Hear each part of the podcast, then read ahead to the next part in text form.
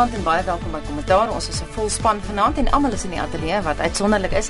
Goeienaand aan professor Antoni van Niekerk van Wits Universiteit se skool vir openbare en ontwikkelingsbestuur. Goeienaand Anita. En dan Pieter De Tooy, dit is sy eerste kuiertjie by ons in Auckland Park se ateljee. Die laaste keer toe ons gepraat het, was dit in Seepunt. Pieter was altyd beeld se parlementêre verteenwoordiger in Kaapstad. Hy is nou beeld se nuusredakteur en hy is nou in Johannesburg. Goeienaand en welkom. Dankie Anita. En dan 'n ou bekende Dr Piet Kroukamp wat gereeld kom kuier in die ateljee Goeienaand Piet. Goeienaand Anita. Die nuuslys van die week soos gewoonlik gee ons dit vir 'n joernalis. Pieter, wat het jou aandag getrek? Anita, die parlement is in reses. Ek sal nou dit natuurlik weet, maar Politiek was daar nog steeds baie beweging aan daardie front gewees. Die koerante was vol gewees oor binnengevegte in die ANC en as jy Vrydag die Mail and Guardian gelees het, was daar baie goeie uiteensetting van presies wat op provinsiale vlak gebeur. En die Sondagkoerante was ook vol oor aanslae op Zuma se presidentskap. Ek dink dit gaan in die volgende jaar net in velheid toeneem. Ehm um, Malema se steun in stedelike gebiede is besig om te daal het 'n uh, ontleding gewys en Malema kan maar seker net nie uit die koerante wegbly nie. 'n Ander lekker storie hierdie week was die openbare beskermer advokaat Tuli Madonsela wat bevind het dat ja, die regeringswoordvoerder meneer Jimmy uh, Money daar was konflik van belange gewees terwyl hy DG van arbeid was en uh, sy waarsku dat daar konflik van belange nou kan wees terwyl hy hoofregeringswoordvoerder is. Dan 'n uh, uh, bekleierery wat ons uh, oor die volgende paar weke sekerlik nog baie oor gaan gesels is die jong Lindiwe Mazibuko wat vir Ethel Trollop om die leierskap van die DA in die parlement uitdaag. Groot debat rondom dit. Die ANC het ook hierdie week aangekondig dat hy 'n aparte komitee stig om openbare proses te dryf om inligting of om openbare mening te kry oor die inligtingwet. Daar's mm. baie kritiek daarop gewees. Mense sê hulle kapie proses. Ek is nie heeltemal seker daarvan nie. Dis moontlik onwenslik, maar ek is nie heeltemal seker daarvan nie. Op die internasionale front, uh adjunk president Galema Motlanthe het pas teruggekeer van 'n besoek uit China uit. Dis kort op die hakke van 'n ANC afvaardiging wat China ook besoek het. Mm, en die Dalai Lama gaan nie sy visum kry nie. Ek sien Antoni lag sommer by voorbaat al. Antoni wil baie gesels oor internasionale nuus vanaand. Ons moet dalk net vir luisteraars sê, "Fin fokus val vanaand weg." So kommentaar sal langer as gewoonlik wees. Kom ons gaan na jou toe uh, Antoni. Ons gaan eers by plaaslike nuus begin.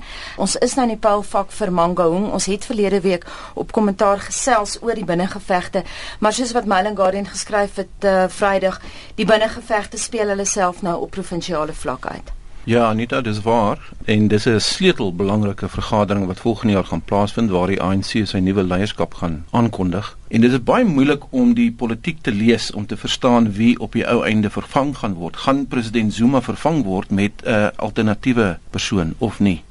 En watter groeperinge werk saam?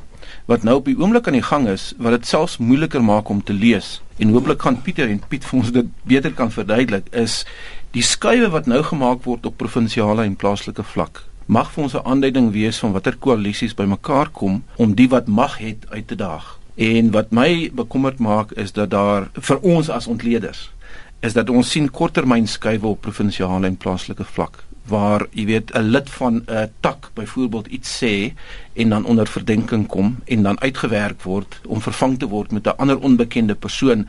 Ek wonder op hierdie stadium of dit regtig waar vir ons aanduidings is van wat gaan gebeur in Mangaung. Ek twyfel sterk. Maar dit kan wees soos die Mail Guardian en 'n klomp ander nuusberigte in die afgelope week vir ons aangedui het dat groter wordende koalisies op provinsiale vlak hulle stemme begin dik maak en dit lyk vir my ons kan hulle begin identifiseer. En as ons dit doen en dis baie van hierdie mense is onbekend op die jy weet nasionale terrein. As ons dit begin doen, dan kan ons miskien uitwerk of hulle gaan 'n invloed hê op die verkiesings volgende jaar. Byvoorbeeld in Limpopo, weet ons dit is so 'n kontroversiële provinsie met Malema en nou met die premier en waar lê die alliansies en wie steun vir wie en wie gaan vir wie uitwerk? Ons moet versigtig wees. Ons kan al hierdie persone identifiseer en skuwe identifiseer. Maar of dit op die langer termyn 'n impak gaan hê, twyfel ek sterk. Net om terug te kom op 'n ligter noot na Mail and Guardian toe. Hulle het aanhalinge van die week en een daarvan Piet is Boetiman Amela wat gesê het in Limpopo leer die kinders nie eers die woorde baba en mamma nie. Hulle leer hulle eerste woord wat hulle leer is tenders. ja, ek dink. Maar kom ons kyk gou gaan na die plaaslike politiek. Hy het nou verwys na Limpopo. Ons sien daar gaan die provinsiale konferensie voort soos beplan in Desember ten spyte van Mantashe se teenkanting. Die een ding waaroor almal kan saamstem is dat dit baie baie moeilik is om te lees wat aangaan. Daar's so geweldig baie chaos binne die ANC. dat ek dink nie dis moontlik. Dit is amper so 'n klomp perde wat gelyktydig by die pylvak aankom. Ons het geen idee wie gaan uiteindelik voorwees teen volgende jaar met die Mangaung konferensie nie. As mense net bietjie die geskiedenis van die ding wil weer besin oor Dit het begin ont julle sal onthou onder Thabo Mbeki was gesag geweldig gesentraliseer. Provinsies het in 'n baie min mate enige vorm van gesag gehad. Jacob Zuma het juis deur gesag terug te plaas in die provinsies toe 'n sekere mate dat hy daarin geslaag om sy eie politieke uh, momentum te verkry. Met ander woorde, diversifiseer gesag binne die ANC en dan probeer die opportunistiese elemente in die provinsies en die plaaslike vlak mobiliseer om vir jou op te kom en uiteindelik hoop jy dit het 'n effek sien maar by nasionale konferensies wat ons in Polokwane gehad het.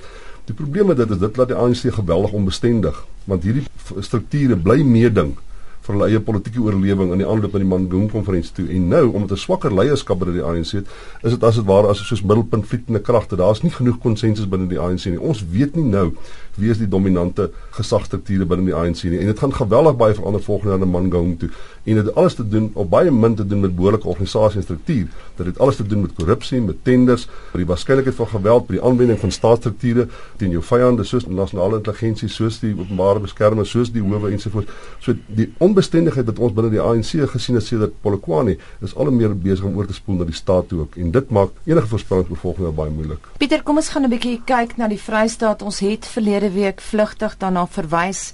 Verskeie ANC takke in die Vrystaat het uh, Ys Magashule se voorsitters duplikate van hom genoem en uh, Magashule natuurlik in die Zuma kamp. Magashule en die Zuma kamp mm. het 'n uh, baie sterk rol gespeel om uh, om Zuma by Polokwane verkies te kry en, dis interessant as jy as jy die ontledings deur die week gevolg het en Mailingarden het uitstekend ingegaan Vrydag is daar verskeie premiers wat onder onder druk is insluitend mm. Tannie Modise in Noordwes en iets wat uh, wat baie interessant is is dat sy haarself by die ander kant skaar. Nou soos soos wat beide Piet en Antonie gesê het hierdie situasie is so vloeibaar.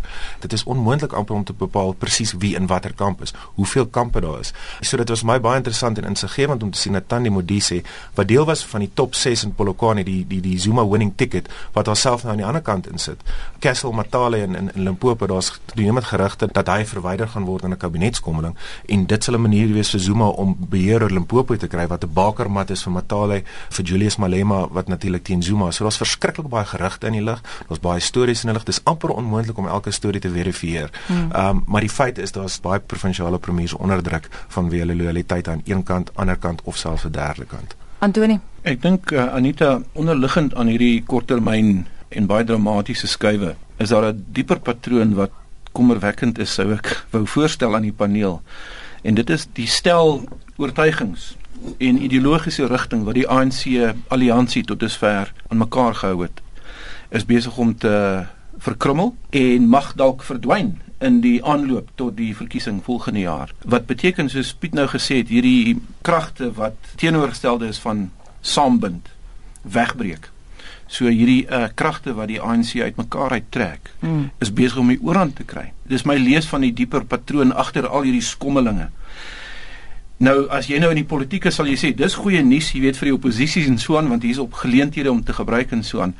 Maar ek dink vir enige normale Suid-Afrikaner is dit 'n bron van kommer want as die regerende party sy rigting verloor, sy kompas verloor, dan beteken dit enige faksie kan oorneem. En ons weet die tipe van goed wat aantreklik is vir die jong politici in die regerende party is die verbruikerspatroon en die goederes waarmee hulle kan ry en gesien word en so aan. Mm. As dit die rigting is wat die regerende party die land wil inneem, dan is daar 'n groot probleem. So die vraag is vir my ideologies waar wil die ANC heen gaan?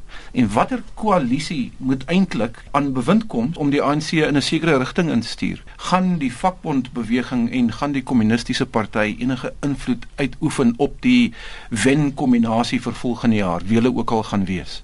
My kort antwoord is nee Dit lyk vir my as Zuma nie uh, steun kan gee vir hierdie groeiende kapitalistiese nasionalistiese groep binne in die ANC nie. Dan gaan hulle hom eenvoudig verwyder. Hmm. Want hy's tot dusver alles gewees vir almal en watse tipe van leier is dit? Ja, maar kyk in, in die ANC, daarom wat hulle noem die nasionale demokratiese revolusie, maar daar's soveel kontradiksies opgesluit net in daai term alleen al. Ja. En ek maar ek, ek dink die groot probleem met die ANC is en ek, ek eendag was ek by 'n gesprek met Jane Idu toe hy gesê en ek dink eerder as wat ek sê daar's nie 'n verteenwoordigende ideologie in die ANC nie, wil ek sê daar's nie 'n tipe van nasionale konsensus nie. En mense kan dit hmm. verder vat. Jy kan sê daar's nie 'n konsensus wat noodwendige lojaliteit teenoor die grondwet veronderstel nie.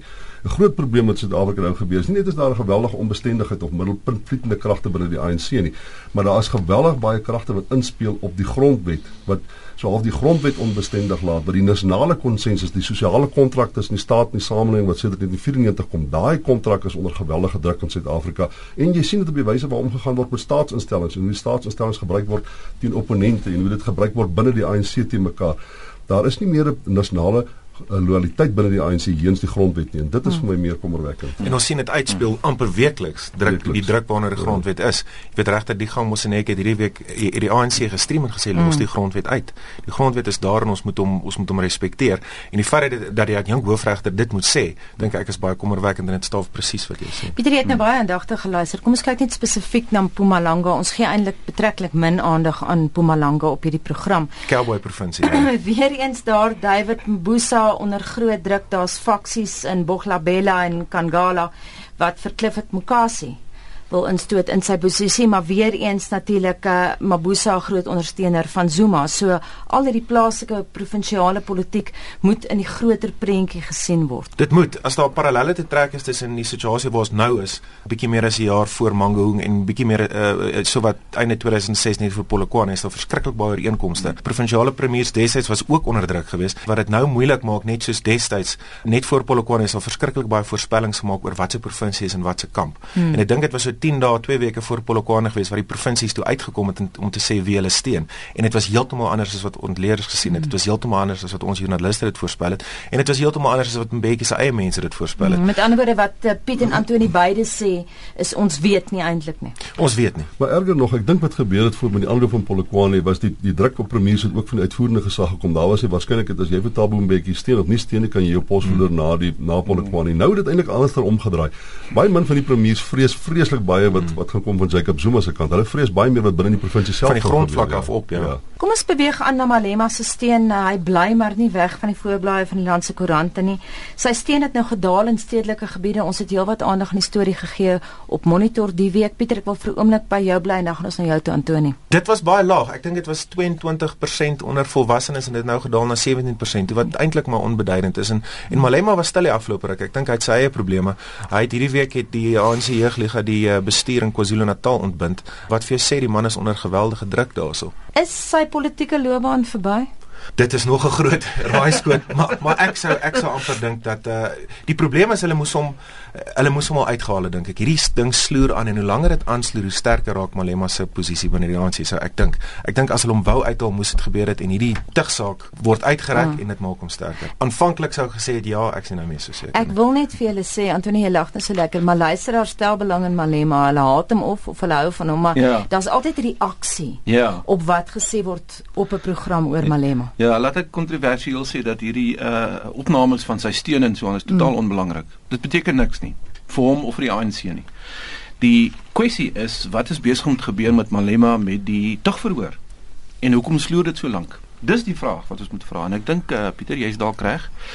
As die ANC se gryskoppe om wou uithaal dan sou dit gebeur het. Ek is oortuig daarvan. Wat aan die gang is daar, uh, hmm. lyk dit vir my is ek ken iemand wat op hierdie tugkomitee sit en ek sê vir haar Hoekom vat julle so lank? Jy weet, maak die ding nou klaar. Sy sê hmm. nee nee, dis die tipe van argument. Ek dis nie moeilik om te verstaan nie. Daar's 'n swart skaap in die familie. Wat doen jy met jou swart skaap? Skop jy die ou uit en jy jy weet druk sy kop in die in die straat soort van en en gooi hom weg. Nee, jy probeer hierdie arme bloetjie weet terugbring in die familie.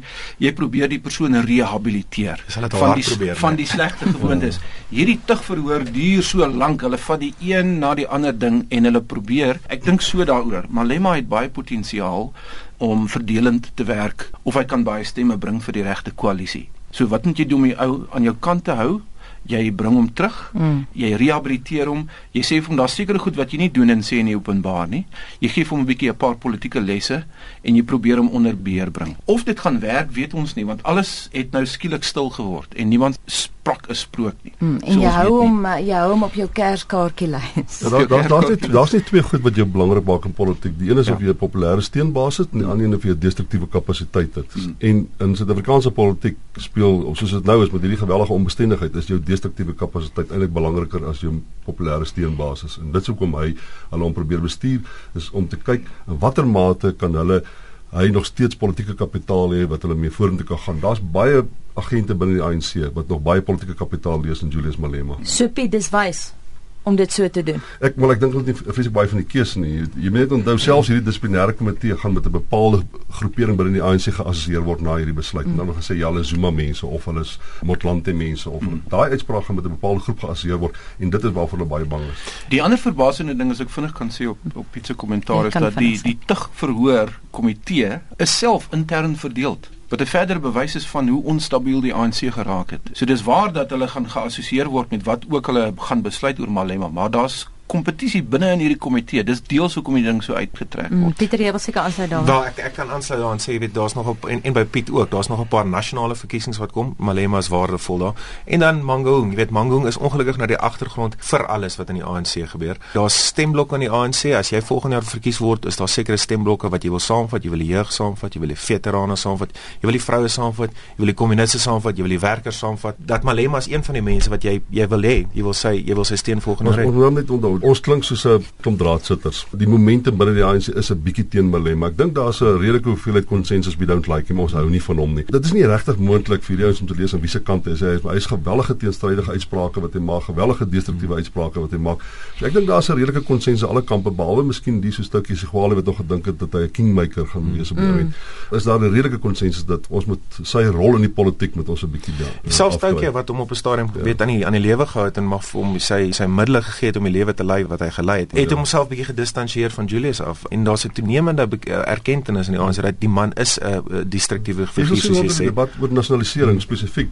Dink jy se geval hy was vir nasionalisering soos wat Patrick moet sê hom uitgespreek het daarvoor. Dit alles daarmee te doen gehad dat hulle kan kapitaal maak hmm. as dan nasionalisering plaasvind, maar ook dat dit 'n politieke momentum kan gee aan hulle posisie self. En dit het gedraai. En dit het gedraai. Die gebrek oor hmm. die gesprek oor nasionalisering is weg. Daar gaan definitief nasionalisering in Suid-Afrika wees. Ek dink ons moet nog met die die, die grond groenskrif met ons nog is daar nog 'n onderhandelingsproses, maar die momentum het weggeswaai van Julius Malema se destruktiewe kapasiteit. Dit nie noodwendig met 'n groter konsensus is nie, mm. maar omdat ek dink hy is te destruktief om 'n beduidende rol te speel vir enigiemand. Piet, as ek nou net jou oog kan vang, dis baie moeilik. vir wie kyk jy dan? Ons, uh, wat die program betref. kan ons aangaan na KwaZulu-Natal toe ons bly by die jeugliga dramas daar. Baie woelinge daar op die ANC jeugliga front, Pieter. Malema het die jeugliga se leierskap van hulle magte gestroop. Mm. Um, die jeuglige leierskap in KwaZulu-Natal het teen die eh, moederliggaam se wense gaan die jeuglige moederliggaam nou se wense gaan in hulle steun vir Zuma uitgespreek. Ehm uh, Malema en Kie het in Junie besluit in die uh, jeuglige se nasionale kongres niemand dis 'n interne debat niemand sal hulle self daar uitspreek nie. Dit is gesien in die lig daarvan dat dat Male, Malema en Kie is besig om hulle self hulle loyaliteite weg van Zuma te skuif. Dit was in Junie gewees. Nou het KwaZulu-Natal wat 'n bakermat vir uh, vir die president is, die jeuglige daad hulle self ten gunste van Zuma uitgespreek mm. en Malema uh, en en sy span voel dit uh, dis kom neer op 'n subordinasie en hy uh, het die leierskap ontbind. Dis ironies komend van hom dat hy voel dis insubordinasie. Dit 'n verskriklike anglisisme daar. Ja, sy verwysing is nie daarna kyk jy ons wil nie hierdie gesprek op die tafel hê. Sy verwysing na jy verskil van my. Presies, Malema wil 'n eenvormige siening hê as die jeugliga moet Malema wees. Daar kan nie ja. meer as een siening wees as as Malema se nie en, en as jy verskil gaan as jy uithaal, dit is die boodskap. Ja, terug na die nuuslys toe. Jy het ook gepraat van Tuli Madonsela wat uitgevaar het teen Jimmy Money by die Pretoria Persklub. Maar uh, ook interessant Manny het teruggekap vandag in City Press. Manny het teruggekap, hy het 'n brief geskryf aan die uh, Black Management Forum uh, en hy het ook donderdag ontmoet met regeringswoordvoerders in, in Pretoria en gesê hy verskil heeltemal van die advokaat Tuli Manunsela se bevindinge. Uh, maar Manunsela het basies bevind dat daar was konflik van belange toe uh, Jimmy Manny DG van arbeid was. Ons sal onthou dat hy het uh, met 'n was dit 'n Deense sake afval of, of hy het in die Deense ambassadeur toe gegaan en gesê mm. hoorie as uh, as as jy wil sake in die land ons kan ons kan moontlik uh, was die Noorse, die Noorse, maar was Skandinawië. Daar was ja. konflik van belange die OB het bevind en sy het nou self gesê jy's hoofregeringswoordvoerder en daar kan nou ook konflik van belange wees. Jimmy Manye het sy het 'n baie sterk bewoorde brief aan die Black Management Forum gestuur om te sê hy uh, stem glad nie saam met Tuli Maronsena nie. Hy verskil van haar en ek dink die probleem hier so is dat die die die openbare beskermer se rol word ook nie verstaan nie. Die president en die kabinet het nog nie sterk genoeg opgetree op die verslae wat Tuli Maronsela uitgereik het en Jimmy Manye se hand waarskynlik daardeur versterk. Antoni, ek het nie van jou vergeet weet nie. Ek wil net vir 'n oomblik by uh, Pieter bly. Ek weet jy en Mandy Resou het al op kommentaar julle kommer uitgespreek oor die manier wat uh, man hier met die media werk en so aan. Wanneer laas het jy kontak met hom gehad en is sy verhouding met die media 'n bietjie beter nou dink jy? Piet jy het ook al iets gesê oor die oor oor Jimmy Manny in die media, maar dit is verskriklik moeilik as 'n joernalis om met Jimmy Manny te werk. Ek dink ons het in die verlede was daar kabinetsvoorvoerders soos Joel Netjitenzi wat of baie intelligente serebrale uh, woordvoerder was. En Ntemba Maseko gehad wat wat werklik waar probeer het om regeringsbesluite en kabinetsbesluite in konteks te plaas, verduidelik en agtergrond te gee. Jimmy Manny is soos 'n is is is is 'n betonmuur. Jy kan nie met hom praat nie. Hmm. Hy lees letterlik verklaringe voor en dit is absoluut nutteloos vir joernaliste om kabinets inligtingsessies by te hmm. woon. Hy sien sy primêre rol as om die regering uh, weg van die media te hou, om die media weg van die regering te hou om om om die president te beskerm, die kabinet te beskerm. Um en en jy weet dit is 'n aparte saak die die OB se se se se verslag.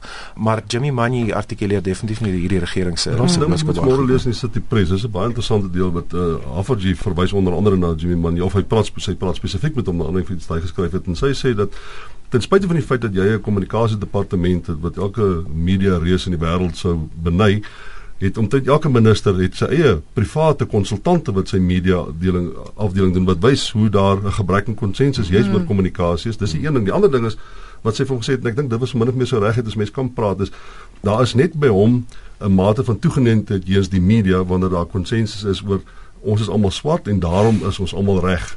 Sy sê juis vir hom dat media diversiteit beteken nie dat swart mense noodwendig 'n natuurlike genetiese vyand het in sê nou maar in wit mense. Hmm. Dit gaan juist daaroor diversiteit van opinie gaan juist daaroor dat binne die swart media is daar 'n diversiteit van opinie en dit hoef nie noodwendig te strook hmm. uh met 'n tipe van 'n swart konsensus of 'n nasionale konsensus. Dis 'n baie baie goeie ding wat ek dink mense moet lees as jy wil agterkom hoe dit binne swart politiek die debat aangaan oor watter mate moet swart politieke blok vorm vis-à-vis -vis, en maar wit politiek veral wat die media aanbetref. Piet, kom ons hoor wat Antonie te sê het. Nee, ek stem saam met my kollegas, met my broers. Mm. Hulle ehm um, ontleed die ding goed. Die vraag vir my is hoekom is Jimmy Manje in daai posisie? Mm. Hoekom is hy daar aangestel? My ek is nie 'n joernalis nie, maar my lees van die situasie is dat ehm um, hy beskou die media maar as die vyand. Uh die die rol van die media, die manier waarop hy daaroor dink en dalk reflekteer dit ook van hoe ANC grootkoppe daaroor dink is Julle ouens, ek wys my vinger nou na die beeldman hierso mm. in die mhm. ateljee. Julle ouens is daarop uit om ons te embarrasseer, om te wys hoe swak ons is, intern verdeeld ons is. Dis die enigste storie wat julle deel het op julle voorblaaie skryf.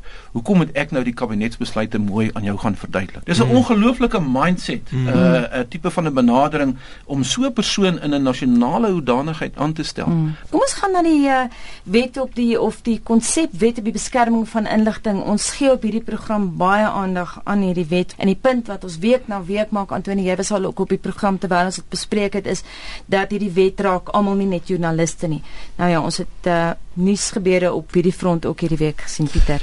Die ANC het uh, het besluit hulle gaan hulle eie openbare proses, hulle openbare konsultasieproses dryf. Hulle het 'n komitee saamgestel presies op die lyne van 'n parlementêre proses. Hulle gaan 'n 'n wêreldwye luister ou wêreldwyd landwye luisterveld tog loods. Hulle gaan provinsies besoek, hulle gaan uh, landelike gebiede besoek en hulle gaan by gewone mense gaan uitvind wat wil hulle in 'n inligtingwet hê. Nou die kritiek daarop is uh uit die uit die oppositiebanke het is dat hulle die proses kaap, dat mm. hulle die parlementêre proses Kaap deur hulle eie parallelle proses te loods. Nou, jy weet ek ek dink nie daar's veel probleme daarmee as 'n party sy eie proses of sy eie pogings aanwend om om om inligting te kry nie, maar dit moenie die parlementêre proses verplaas en ek dink nie die ANC het so gesê nie. Maar wat welkomerwekkend is is die ANC se neiging met 'n met 'n met wetgewing soos hierdie is om inligting elders te kry en dan parlement toe kom en sê kyk, dis wat ons hoor, dis wat ons mense vir ons sê en ons gaan hierdie ding nou net deurstoot. Baie belangrike ding vir die ander ding was was dat hulle het eers probeer het gesê kyk, ons kan nie konsensus bereik binne die parlement nie. So kom ons stuur dit aan die grondwet hof dat hulle vir ons besluit wat wat of in watter mate hierdie wet grondwetlik is nie. En dit dit op sigself is my effens al 'n bietjie van 'n slegte teken want mense sou wou verwag dat dit is juist waarvoor die parlement daar 'n tipe van konsensus en 'n tipe van 'n trade-off soos in Engels sê jy moet jy moet op die ou end met jy konsensus bereik en nie noodwendig almal is reg nie maar goed dis die beste stuk wetgewing ons dink hy gaan voldoen reeds aan die vereistes van die grondwet. Jy kan nie iets aan die grondwet hof toe stuur om daar te gaan toets omdat ons nie hier konsensus het. Dit was my verkeerde proses. Nou wat die ANC doen is hy verplaas hierdie na 'n ekstra parlementêre proses toe. Dit is hoekom my doelbewus as dit ware wys, maar kyk eintlik is die ANC die regering. Eintlik kan ons 'n proses aan die gang sit wat presies soos die parlementêre proses is wat ons in 'n sekere mate nou nie meer saamstem nie en ons delegitimeer die parlementêre proses. Ons hoef nie kompromieë aan te gaan nie. Ons kan dit op ons eie doen. Wat gaan die ANC leer deur nou skielik in die streke te gaan praat? Hulle wil met 'n eindproduk parlement. Ek kan ek kan nou ja, maar dis nie wat hulle wil doen regtig nie. Ek dink hulle probeer manier die ding nog steeds forceer. Daar is geen manier wat jy my kan oortuig dat hierdie die kompleksiteit van hierdie bepaalde wetgewing is 'n elite proses. Dis moet ingeligte ouens wees, jy moet ingeligte konsultante kry, jy moet die ouens kry wat die wet reg verstaan, wat die grondwet reg verstaan en daar binne moet jy 'n kompromie bereik. Jy kan net met Jan Elleman gaan sit en praat in in in in uh, Umlazi erns in KwaZulu-Natal. Hy gaan vir jou niks leer nie. Jy gaan nêrens kom, jy gaan nie groter konsensus bereik in Suid-Afrika daaroor nie en jy gaan nie 'n bydrae maak tot die verstaan van daai wetgewing nie. Hulle moet hom terugvat parlement toe, hulle moet behoorlik sit, hulle moet klein komitees saamstel, hulle moet 'n konsensus bereik dat dit wat ons hier skryf gaan uiteindelik die grondwetlike toets slaag. Die probleem met hierdie wet van die begin was is dat dit is 'n dit was geremote kontrol geweest van Letuli huis af. Die ANC onderhandelaars in die in die komitee het nie 'n mandaat gehad om die die verandering in die wetgewing te maak soos wat oppositie jy weet enige wetskrywende proses is is gee en neem, jy weet dis mm. dis doing en throwing die die heeltyd en en die die die ANC afgevaardigdes het nie 'n mandaat gehad van Letuli huis om kritiese veranderinge te maak aan daai wet nie. Hulle moes die heeltyd terug aan Letuli huis toe. Wil jy inkom daar Antonie? Nee, Anita, ek dink ons moet net ons luisteraars herinner waaroor hierdie hele ding gaan. Mm. En dis hoekom ek so stil is want ek probeer 'n sin konstrueer om vir iemand te sê wat nou van Mars af kom. Hoekom beklei julle ouens oor hierdie inligtingwet? Waaroor want gaan dit? Want ons wil nie die vrye vloei van inligting in hierdie land beperk nie. Dis waaroor dit gaan. Ja, maar maar daar's ook 'n argument om te maak dat die staat wel inligting moet beperk wat skade kan doen as dit uitgelek word. Maar dit moenie gebruik word om knoeiery toe te smeer nie. En dit is waaroor die media bekommerd is en die ander ding natuurlik Pieter, hier kan jy inkom, is dat die media wêreldwyd val altyd terug op die ding dit is in die openbare belang. Dis die klousule wat hulle glad nie wil. Jy weet die, mm. die die die groot bekleier aan die einde was oor 'n oor 'n verweer openbare belang verweer. Die ANC weier om dit in te sit. Want dis internasionaal. Almal gebruik daai verweer. Dis 'n verweer wat internasionaal gebruik word, maar maar die die model wat ons hier gebruik was die Kanadese wetgewing en hy daar's nie 'n spesifieke verwysing na openbare ver, uh, openbare belang verweer nie, maar daar is meganismes in die Kanadese wetgewing wat ons hier wil invoer met die ANC weier volstrek om dit te doen. Kom ons uh, beweeg aan want ons gaan definitief weer op hierdie program oor die uh, konsepwette beskerming van inligting gesels. Ook op jou nuuslys gewees Pieter en die paneelsin was natuurlik uh, Masibuko wat vir uh, Trollop uitdaag vir die parlementêre leierskap van die DA. Jy was lank in die parlement gewees in Kaapstad, so jy Trollop dikwels in aksie gesien. Ek het nie, ek praat net telefonies met hom. Maar uh, kommentaar van jou kant af, kom dit as 'n verrassing? Dat uh, Trollop uitgedaag word. Ja. Nee, dit kom nie as 'n verrassing nie. Ehm um, Trollop is aangewys net na die 2009 verkiesing Mei hy het opgegaan teen Ryan Coetzee wat die uh, wat die wat die opkomende ster in die, in die DA was lank die hy's nog steeds die strateeg. Ehm um, die keuse van Helen Zille was en hy het teen alle verwagtinge in het hy vir uh het Trollop vir Ryan Coetzee verslaan. Enige verkiesing, enige kokesverkiesing kom neer op beloftes wat agter geslote deure gemaak word en wat nagekom word of wat nie nagekom word nie. En dit sal in hierdie geval net so wees. Ehm um, Trollop ek dink die konsensus is dat Trollop waarskynlik um, nie na verwagtinge vol uh, nie aan verwagtinge voldoen het in sy tyd as parlementêre leier in die DA nie. Ehm um, hy het soms die verkeerde kwessies gekies om te takel, soms die verkeerde maniere gevind Een om Een voorbeeld? Daar sal 'n nasionale debat wees oor nasionalisering of oor money of oor wat ook al en dan sal Trollop weet kies om uh, die hele week te gebruik om oor Zimbabwe te praat byvoorbeeld. Mm. Daar was net 'n daar was net 'n klem. Hy het partykeer nie die klem op verkeerde plekke gelê. Ehm um, steeds het hy daarin geslaag om die caucus goed te bestuur, was my indruk in elk geval geweest. Maar daar was van die begin maar uh, teenkanting teen Trollop geweest, veral van die jonger Engelse liberale kant van die party as ek dit so kan noem. Ehm um, en ek dink nie dis 'n verrassing dat hy die Lindiwe Mazibuko uitgedaag is wat mm wat 'n baie skerp geartikuleerde jong uh, LP is nie en mm. en jy weet sy sy sy voldoen perfek aan die profiel van die tipe kiesers wat die DA wil lok. Nou ek wil 'n vraag nou vir Antoni vra. Mm. Is sy te jonk? Daai vraag is gevra deur mm. verskeie koerante mm onder meer Business Day en die Citizen mm. die week in hoofartikels. Mm. Anita, ek moet sê dat ehm uh, net om aan te sluit by die vorige kommentaar, uh dis 'n goeie ding, dis opwindend dat binne in die DA nou hierdie hierdie soort van verkiesing plaasvind want dit dwing ook die party om om homself te ondersoek en om uit te werk waarna toe hy moet gaan in die toekoms. Wie wat is die tipe van profiel van leier wat die DA moet verteenwoordig as dit kom by die volgende verkiesing in, in 2014? Is dit die trollop profiel wat jy wil hê wat die DA beleid moet gaan verkondig en kiesers trek of is dit die Mazibuko tipe van profiel? Mhm. Mm so dit is 'n goeie ding dat daar nou hierdie uh, debat binne in die DA is. Ek is saam met die die business day bekommer dat sy dalk te jonk gaan wees. Want dis een ding om aantreklik te wees vir die potensiële DA kiezer wat op die straat loop en sê vir wie moet ek volgende stem? Dis 'n ander ding om vir daai ou in die parlement op te staan en vir die ANC swaargewigte aan te vat mm -hmm. en te oortuig dat hulle verkeerd is oor Zimbabwe of oor die inligtingwet. Absoluut. En sy het dit al probeer doen en die ouens speel met haar in die parlement. As ek mm. nou krim mag wees. Ek uh, noem vir jouself speel om kyk die ANC speel met alle oppositie. Hulle speel met enige oppositie in die parlement. Dis nie dis nie 'n plek waar die Nee, maar hulle slaan haar spesifiek haar eh, Anita vra, is sy te jonk? Is sy mm. dalk te jonk om hierdie ding te doen? Sy is te jonk om hierdie ding te doen. Mm. Die alternatief is sy moet deur 'n baie vinnige skerp groeiproses gaan om te leer hoe om hierdie uh, wat is tons hierdie uitdagende Uitdagings, gedrag tarting, uittarting. Ja, die tartende gedrag van die ANC teens die oppositie in die parlement teen te staan. Jy moet wag om verblytenisse mande op die regte oomblik aan te vat sodat dit die huis lag vir hom in plaas van jou. en dit vat 'n bietjie van ervaring en wysheid. Ek sou die kans vat en sê sy is die regte tipe van persoon wat die DA moet gaan verteenwoordig. Sy gaan kiesers intrek. Ja. En sy moet maar ons moet haar ondersteun as ek die DA is in die huis om hierdie aanslag te te teen te staan. Ek dink ek verstaan nie ons sê nou juist dat Trollop se probleem is dat hy in valsteen status lê. Met ander woorde daar's hy's nie baie dinamiese persoon nie. Dis nie asof hy hom baie ernstig opvat nie. hy identifiseer waarskynlik die agenda verkeerd.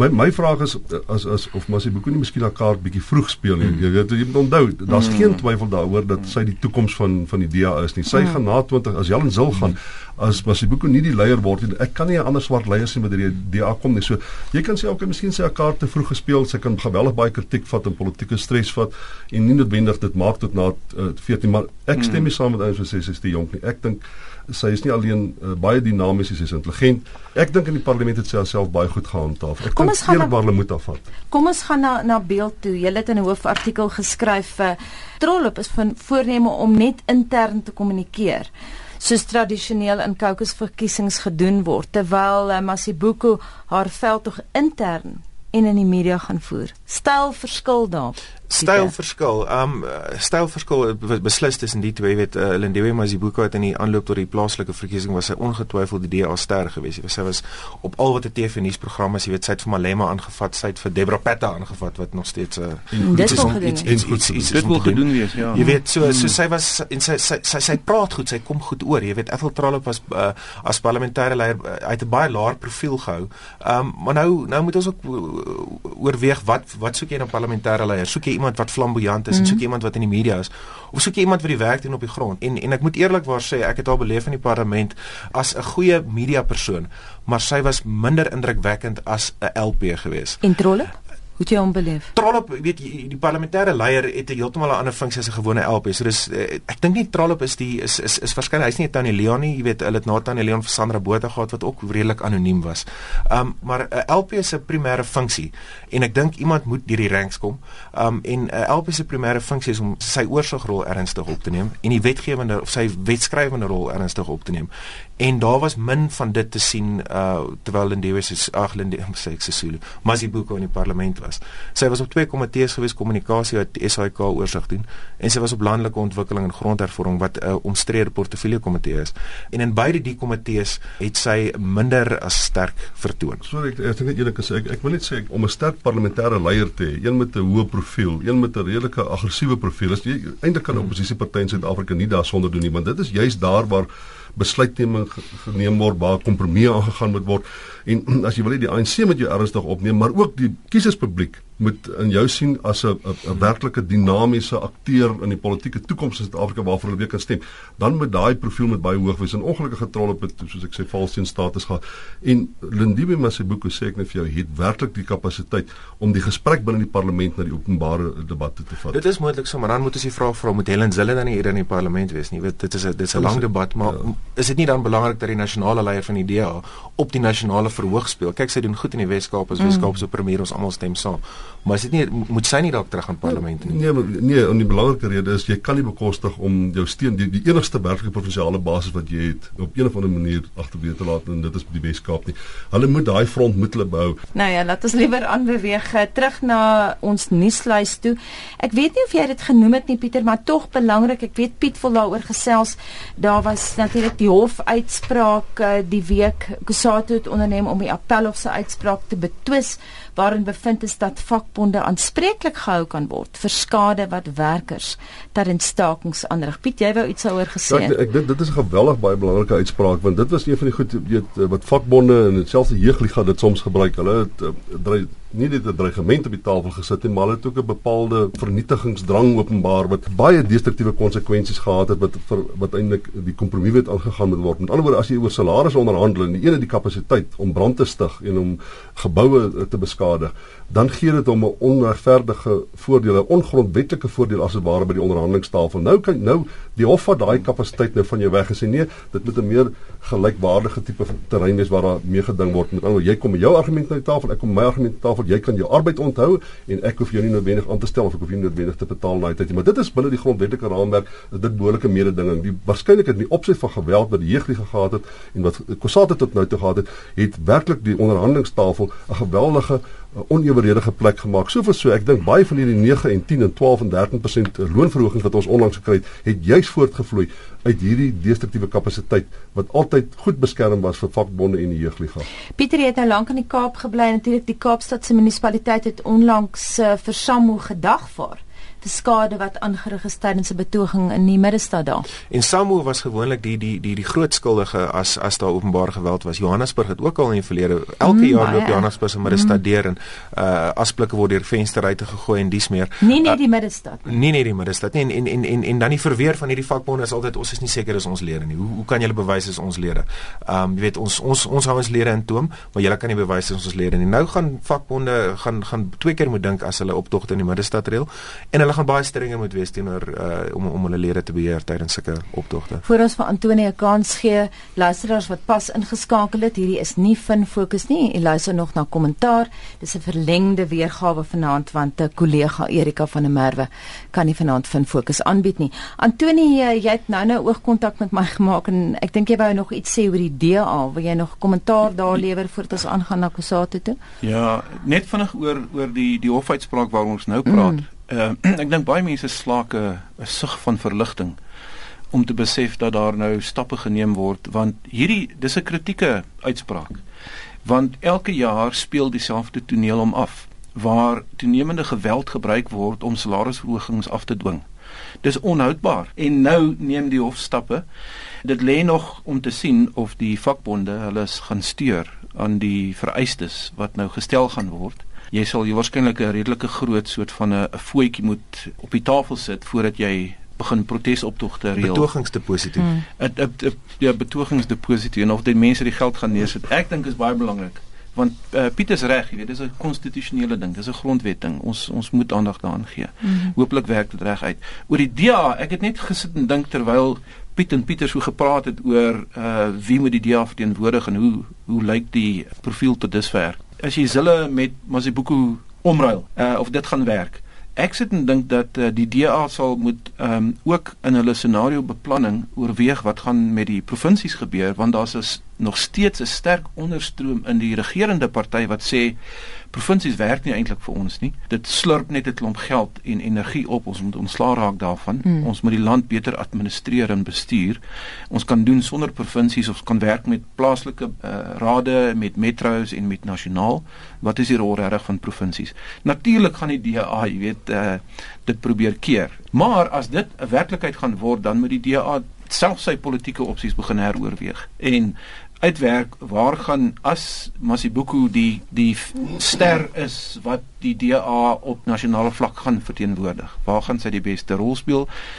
Ellen Zille doen nog tot dusver 'n baie goeie job waar gaan sy haar rol die beste kan vervul. Mm -hmm. Soos 'n dis 'n los ding wat bietjie vasgemaak moet word in terme van strategie en so aan vir die DA ook. Ja, kom ons beweeg van plaaslike politiek na internasionale politiek. Jy wou iets gesê het oor Galema Motlanthe se besoek aan China, Pieter. Galema Motlanthe het hierdie week teruggekom van 'n uitgebreide handelsbesoek aan China en, en dit kom kort op die hakke van die ANC se Progressive Business Forum wat ook China besoek het. Toenemende fokus op China. Ehm um, Chinese maatskappye terloops oor uh, in Britse die Britse handelskamer ook sien toenemend die ANC se Progressive Business Forum as die sleutel tot Suid-Afrikaanse sake. Jy weet die ANC is besig om dit ook te kaap, die manier waarop groot sake met die buiteland skakel. Um en ons het dit in China gesien in die week. Um weet die president die adjunkt president in geval wat dit was 'n hoofvlak afvaardiging mm. gewees. Hy het ook vir Hu Jintao ontmoet samesprekings met die adjunkt president. Um uh, maar so spiet ook vroeër uh, van die lig af genoem het daar is maar 'n vrees om uh, uh, dat dat dat China ons handel monopoliseer monopoliseer. Ek ek dink daar's 'n gesonde vrees binne die ANC dat dat, China handel monopoliseer want jy ek dink Galema Motlanthe is waarskynlik die mees kritiese lid van die uitvoerende gesag wat hulle kon gestuur het na, na China toe. So ek dink binne die ANC is daar steeds 'n gevoel dat ons moenie noodwendig net op ons met die voordele van China moet kan ons nie verloor nie, ons moet dit gebruik, maar ons moet met ander Asiatiese lande en ander uh, lande in die wêreld moet ons ook gesonde handelsbande hou en onder andere Afrika lande. So ek dink daar's so 'n populêre vrees daar buite dat China gaan oral te sien wees in die, in die besigheid sektor van Suid-Afrika dat hulle al die tenders gaan wen. In in sekere sin het gebeur dit bietjie in Namibië, né? Noord-Korea en China mm. mm. is baie baie moeilik om teen hulle mededing vir tenders en hulle bring natuurlik hulle eie mm. arbeid baie keer in Angola natuurlik. En Angola doen so daai die negatiewe aspekte van van handel met China. Dis ek dink daar's 'n sensitiwiteit binne die ANC vir dit. Mm. Antoni, jy is nou 'n kenner op die gebied van Afrika en die politiek hier. Natuurlik met die Zambiese verkiesing het ons ook 'n interessante ding gesien oor mm. Michael Sata wat aanvanklik baie anti-Chinese uitsprake mm. gemaak het en toe lelik water getrap het. Mm. Toe hy besef het, jy weet hoe magtig hulle eintlik is. Maar uh, wil jy kommentaar lewer op Montlantis se besoek en ons verhouding met China? Ja, China is oral. China is oral uh, in Afrika. Uh, Suid-Afrika se verhouding met China is 'n baie delikate ding, want 'n klomp ouens in die ANC alliansie het groot ehm um, kyk na China as 'n inspirasie vir hoe om sekere politieke sake te hanteer. En as mens China toe gaan, dan kan jy nie help om beïndruk te wees met die met die manier waarop die politieke masjien werk nie. Jy weet 1.3 biljoen mense, 1.4 hmm, miljard 1400 1400 miljoen mense. Hoe bestuur jy so 'n klomp mense? Hulle doen dit. Hoe doen hulle dit? Kom ons gaan leer by hulle. Want dit is ook 'n arm land en maar hulle maak ook vooruitgang. Soet van staatskapitalisme. Wat kan ons alles leer? So 'n klomp van die ouens in die in die ANC en die SHKP en Kusatu is beïndruk met die Chinese kamerade gaan juis om lesse te leer en kom terug. Maar die ANC weet ook, soos Piet vir ons uitwys, die ANC kapitaliste weet weet ook dan dat die Chinese is so groot en so magtig dat hulle gewoon 'n land se ekonomie kan oorneem of monopoliseer of bestuur of beheer. En dit gebeur Kyk in Angola as daar nou stappe daarteen hè? Dit gebeur in Angola en die Angolese is hard geslaan daardeur. Ja. Ek moet net sê op 'n ligte noot soos wat jy deur Afrika reis en jy kom by moderne relatief moderne lughawens aan dan kyk jy na hierdie groot blink gebou. Dis gebou deur die Chinese en, en dis geskink aan die regerende party. Ja. Behalwe OR Tambo, ek weet nie wie dit omgebou nie. en die goudtrein is deur die Franse of so gebou. Maar die Chinese doen dit en hulle hulle beïndruk die Afrikane en daar's maar ons het 'n delikate verhouding want aan die een kant ehm um, is ons beïndruk en wil ons leer en ek moet sê ook uit 'n uit 'n navorsingsperspektief is daar baie wat Suid-Afrika by China of by Brasilië moet gaan leer en minder en minder in Europa of Noord-Amerika. -hmm. Wat is die een les wat ons by die Chinese moet leer? Hoe om so baie mense te bestuur. Wat moet ons by hulle leer? Ja, hoe uh hoe hoe om wet en orde te handhaaf uh, met so baie mense. Hoe hoe om basiese 'n better life for all. Hoe mm -hmm. sien jy dit nou aan Afrikaans?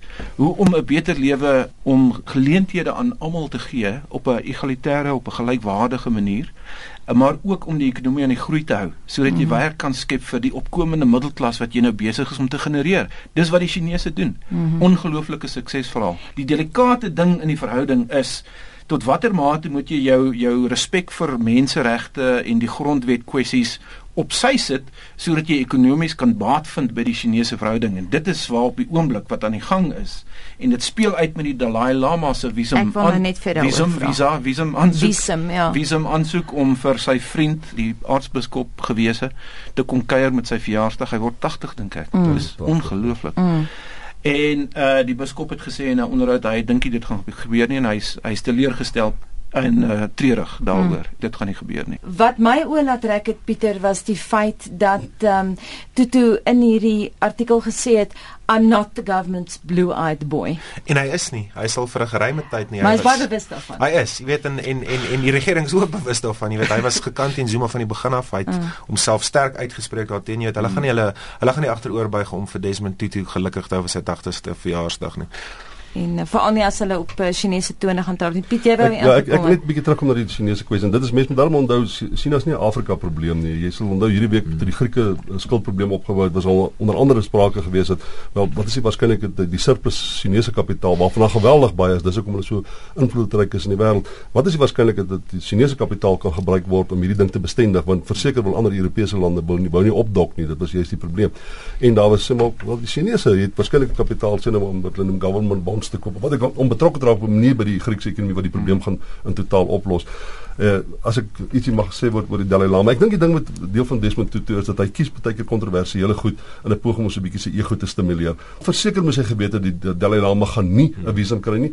Verseker moet hy geweet het hy gaan die Dalai Lama weer 'n keer in die verleentheid stel. Nou ek dink dis die manier hoe die Dalai Lama waarskynlik ook bietjie politieke kapitaal opbou deur gedeel voortdurend in die verdeeldheid gestel te word deur die Chinese regering. Maar die feit bestaan is hulle moes dit voor die tyd geweet het en ek dink dis 'n bietjie van politiek spelery wat ons nie nou nodig het. En nie as die regering enigs enigsins sy geloofwaardigheid wil hou, sal hy weer nie 'n visum gee vir die Dalai Lama. Ja, ek kan dit nie doen. Ek kan dit bekostig om te doen nie. Die regering het sy keuses gemaak. Ja, lankal. Ja, lankal, ja.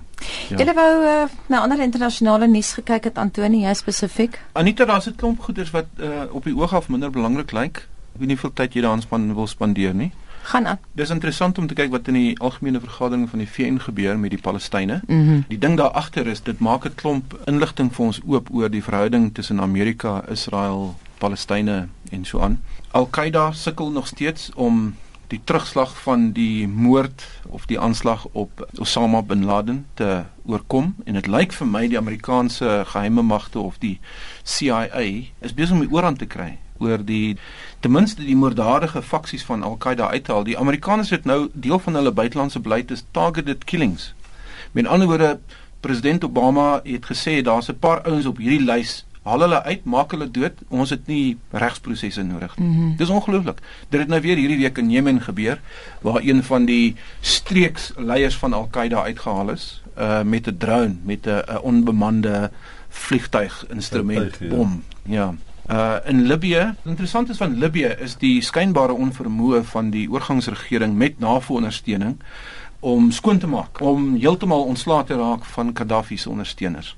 So daar's nog steeds 'n basis in Sirte en elders wat die ouens nie kan skoonmaak nie. Hmm.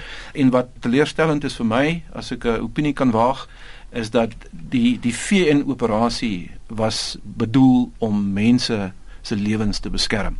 En uiteinde van hierdie hele operasie is daar 'n regimeverandering wat plaasgevind het, 'n nuwe regering, maar 30, 40 of 50000 mense is in die proses dood. Ek wil net aansluit by wat jy gesê het en 'n paar punte bymekaar trek uh, na jou toe Piet.